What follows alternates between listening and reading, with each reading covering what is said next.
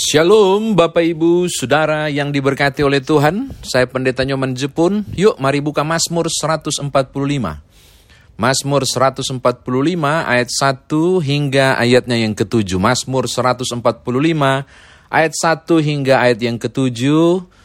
Saya ajak saudara sebelum membacanya untuk berdoa. Bapa kami mau bermasmur dari firman Tuhan yang kami baca ini, lalu mencari kebenaran dari pujian Daud ini, tolonglah kami untuk memahami, kiranya kami boleh membawa berbagai hal yang dituliskan Daud ini menjadi kebenaran dalam kehidupan beriman kami. Demi Tuhan Yesus Juru Selamat kami berdoa. Amin. Mazmur 145 ayat 1 hingga yang ketujuh, puji-pujian dari Daud. Aku hendak mengagungkan engkau ya Allahku ya Raja. Dan aku hendak memuji namamu untuk seterusnya dan selamanya. Setiap hari aku hendak memuji engkau dan hendak memuliakan namamu untuk seterusnya dan selamanya. Besarlah Tuhan dan sangat terpuji, dan kebesarannya tidak terduga. Angkatan demi angkatan akan memegahkan pekerjaan-pekerjaanmu dan akan memberitakan keperkasaanmu. Semarak kemuliaanmu yang agung dan perbuatan-perbuatanmu yang ajaib akan kunyanyikan. Kekuatan perbuatan-perbuatanmu yang dahsyat akan diumumkan mereka. Dan kebesaranmu hendak kuceritakan. Peringatan kepada besarnya kebajikanmu akan dimasyurkan mereka dan tentang keadilanmu mereka akan bersorak-sorai. Demikian firman Tuhan, saudara saya dikatakan berbahagia jika mendengarkan firman Tuhan ini merenungkannya, memberitakannya, dan melakukan dalam hidup beriman kita. Bapak Ibu, ini merupakan puji-pujian Daud. Ayat 1 sampai yang ketujuh itu interlude itu pembukaannya. Nanti ayat 8 sampai ayat yang ke-21 Oh, ayat 8 sampai ayatnya yang ke-18 eh, juga ayat yang ke-20 itu isi pujiannya. Lalu ayat 21 itu klimaksnya. Jadi ketika saudara membaca Mazmur 145 itu pembukanya ayat 1 sampai 7 yang barusan kita baca. 8 sampai yang ke-20 isi pujiannya. Lalu ayat 21 itu penutupnya. Sayang cuma dibatasi sampai ayat yang ke-7 ya. Saya mau berbagi dengan saudara. Ini ditulis oleh Daud. Ulangi. Ini ditulis oleh Daud. Nanti kapan-kapan saudara baca ayat 8 dan seterusnya. Saya mau penggal ayat 8 sampai yang ke-10. Tuhan itu pengasih dan penyayang. Panjang sabar, besar kasetianya Tuhan itu baik kepada semua orang dan penuh rahmat terhadap segala yang jadikannya. Segala yang kau jadikan itu akan bersyukur kepadamu ya Tuhan. Dan orang-orang yang kau kasih akan memuji engkau. Itu ayat 8, 9, dan 10. Atau, kerajaanmu telah kerajaanmu ialah kerajaan segala abad. Dan pemerintahanmu tetap melalui segala keturunan. Tuhan setia dalam segala perkataannya dan penuh kasih serta dalam segala perbuatannya. Tuhan itu penopang bagi semua orang yang jatuh. Engkau membuka tanganmu dan yang berkenan mengenyangkan dan seterusnya ayat 14 dan 15 ayat 13. Kenapa saya baca ini? Bapak Ibu tolong baca ulang ayat 8 ayat 8 sampai yang ke-20 berulang-ulang. Satu saja kalau saya dapat. Daud sangat kenal siapa Tuhan. Iya tak? Coba, coba Bapak Ibu baca. Kita cuma baca 1 sampai 7 kan? Nah, saya ajak nanti saudara baca 8 sampai 20. Bapak Ibu, Daud tuh kayak dekat banget dan dia tahu siapa Tuhan. Dan dia definisikan pengasih, penyayang, panjang sabar. Kalau saudara mengatakan pasangan saya itu penyayang, istri saya itu sangat perhatian, suami saya itu sabar banget. Saudara tidak bisa ngomong begitu kalau saudara tidak kenal dan hidup bersama toh. Kalau tidak itu bilang hoax. Benar nggak? Benar. Saya mau katakan hal yang pertama Bapak Ibu. Daud sangat mengenal Tuhannya. Daud sangat mengenal Sang Halik. Catatan pertama.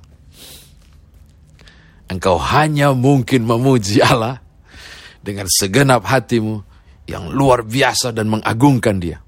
Itu hanya terjadi jika engkau mengalami apa yang engkau sebutkan untuk memujinya. Dan untuk mengalaminya, engkau hanya mungkin dekat dengannya. Iya, saya suka untuk mengatakan hal yang pertama ini. Daud bisa memuji Tuhan luar biasa karena pertama, dia mengalami kehadiran Tuhan dalam segala aspek. Dan itu hanya mungkin kalau dia benar-benar mengenal siapa Allah itu. Saudara harus punya pengenalan yang benar. Baru saudara bisa mendefinisikan siapa Allah yang saudara kenal. Dan itu terjadi ketika engkau mengalami Allah dalam hidup saudara. Ini catatan pertama ya Bapak Ibu.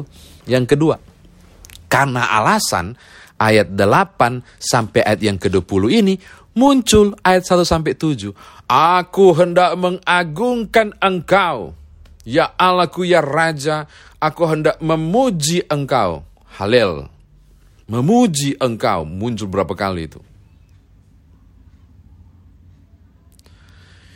Bahkan dia bilang, untuk seterusnya dan selamanya. Ayat 2 bilang, bilang juga, aku hendak memuji engkau untuk seterusnya selamanya. Ayat 5, ayat 6, 6, 7 ku nyanyikan semua itu.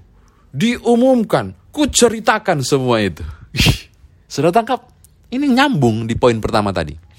Justru karena dia mengalami Tuhan, dan dia sangat dekat, dekat dong, kalau nggak dekat nggak mungkin dia definisikan siapa Tuhan.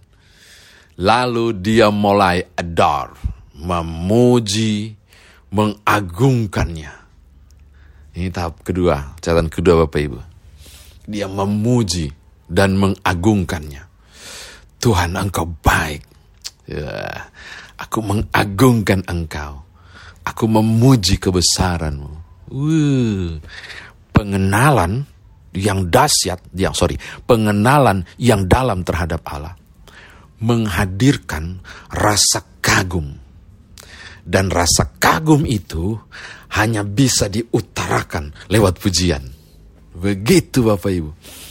Dia kenal Tuhan dan bilang, wih dahsyat banget dia ini.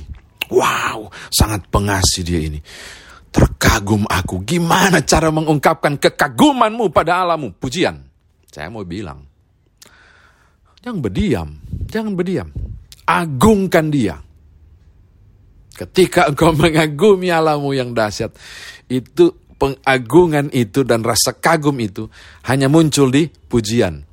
Saya suka teman-teman membahasakan dengan yang lain. Penyembahan dan pengagungan kepada Allah. Saudara bilang Tuhan itu baik. Daud bilang Tuhan itu baik. Tuhan itu luar biasa. Tuhan itu pengasih dan penyayang. Kepada semua orang dia baik. Ayat 9. Ayat 8 bilang dia pengasih dan penyayang. Bahkan kalau baca lagi ayat yang ke-14. Ia menopang. Ia apa itu? Membuka tangan. Dia itu adil. Dia dekat dengan setiap orang, bla bla bla dan seterusnya. Efek dari itu dia kagum. Muaranya adalah dia pujian. Saya mau katakan hal kedua. Engkau berhutang pujian kepada Allah. Kok pede banget saya bilang gitu? Sekarang bantah saya. Apakah Tuhan tidak baik bagimu? Sekarang bantah saya bahwa Tuhan itu bukan pengasih. Enggak toh, dia pengasih kan? Sekarang bantah saya bahwa Tuhan itu penyayang. Enggak kah? Penyayang dia. Dia dekat dengan hidup saudara. Bantah saya kalau tidak. Dia memberkati hidup saudara. Bantah saya juga tidak. Kalau itu, Daud meresponnya dengan apa? Aku akan memuji engkau selamanya dan seterusnya. Saya mau katakan, tiap orang Kristen, siapa pun saudara, Bapak Ibu dengarkan, yang mengalami kehadiran Tuhan dan merasakan Tuhan, dan berani mengeluarkan dari mulutnya bahwa Tuhan itu pengasih dan penyayang, engkau berhutang pujian kepada Allah. Oh, engkau berhutang pujian itu kepada Allah. Hei, bergetar saya mau bilang itu. Ya, engkau berhutang dan saya berhutang pujian kepada Allah. Ini catatan kedua. Yang ketiga Bapak Ibu, yang ketiga. Saya suka kalimat kata kerja ini ayat 4 dan akan memberitakan keperkasaanmu. Baru diumumkan ayat 6 ayat 6 lagi ku ceritakan. Ini soal kesaksian. Catatan ketiga. Engkau mengalami Allah yang luar biasa. Kau merasakan kekuasaan kehadirannya. Betul. Karena engkau dekat dengan dia. Lalu engkau kagumi dia. Muaranya cuma satu saya bilang. Poin kedua. Pujian. Dan tahu ke saudara. Di balik pujian itu ada kesaksian. Kesaksian. Kesaksian maksudnya. Kalau saudara pendengar kesaksian pujian itu harus biasa ya. Kesaksian berarti sesuatu yang diungkapkan oleh seorang saksi. Dan orang yang membuat kesaksian itu berarti orang yang sedang bersaksi. Dia adalah saksi. Saksi tentang kebenaran dengan tangan Tuhan yang dekat, tangan Tuhan yang tidak kurang panjang menjangkau itu, Allah yang pengasih dan penyayang itu. Dia saksinya. Dan seorang saksi akan menceritakan dan akan mengumumkan, malah bilang begitu ayat 6. Ketiga saya mau katakan. Setelah pujian. Saudara punya hutang yang kedua. Apa itu? Engkau wajib menceritakannya. Engkau wajib mengumumkannya. Apalagi tadi itu. Engkau wajib memberitakannya tentang Tuhan yang dahsyat itu kepada orang lain. Itu disebut dengan kesaksian. Makanya pujian dan kesaksian itu sangat dekat. Begitu Bapak Ibu. Di balik pujian saudara, itu ada kesaksian di dalamnya. Atau bisa jadi ikut pujian itu dalam bentuk nyanyian, itu ada kesaksian di dalamnya. Engkau menceritakan, engkau mengumumkan, engkau memberitakan. Orang yang telah dekat dengan Tuhan dan mengecap kemurahan dan kebaikannya dan mengaguminya, punya hutang lagi yang kedua. Apa itu? Ceritakan itu kepada orang lain. Supaya orang lain bisa mengecap kemurahan dan kebaikan Tuhan dan orang yang sama orang lain itu juga akan memuji Tuhan. Lalu dia akan menceritakannya. Tidak heran kalau kemudian dari generasi ke generasi.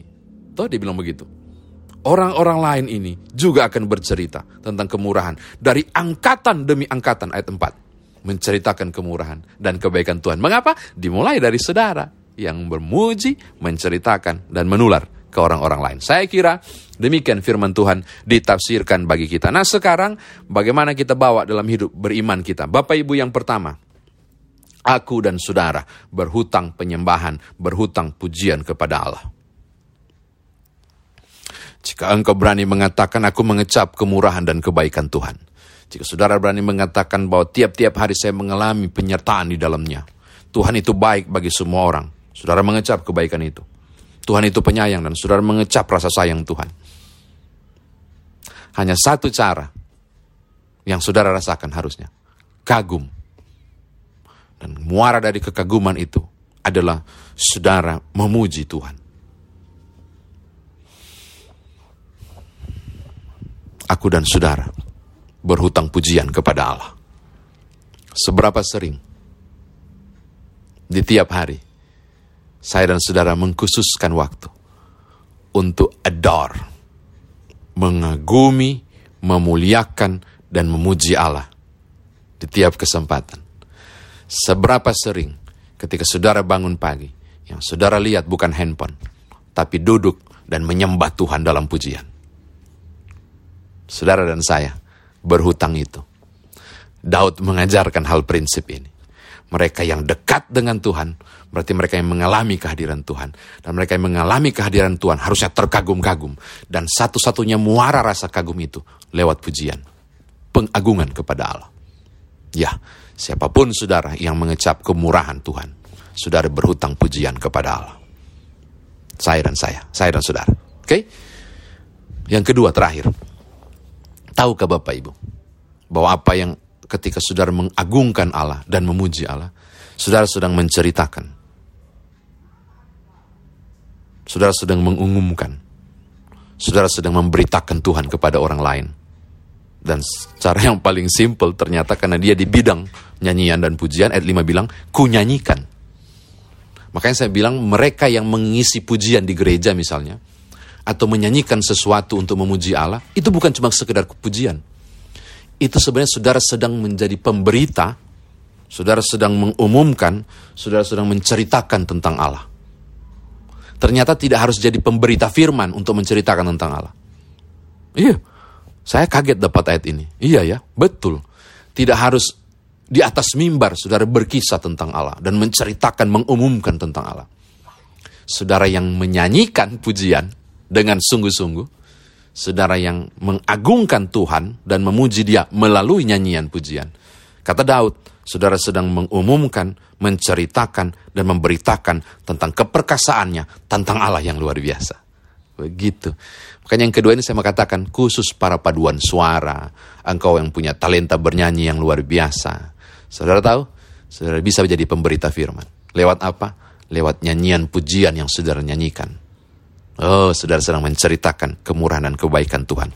Selamat memuji-muji Allah. Selamat mengagungkan dia. Engkau yang mengecap kemurahan kebaikan Allah. Engkau dan aku berhutang pujian kepada Tuhan. Puji Tuhan, agungkan dia. Jadikan alat itu untuk menceritakan, memberitakan, dan mengumumkan supaya dari generasi ke generasi mereka juga mengumumkan dan menceritakan tentang Tuhan yang baik itu. Tuhan berkati Bapak Ibu Saudara. Haleluya. Amin.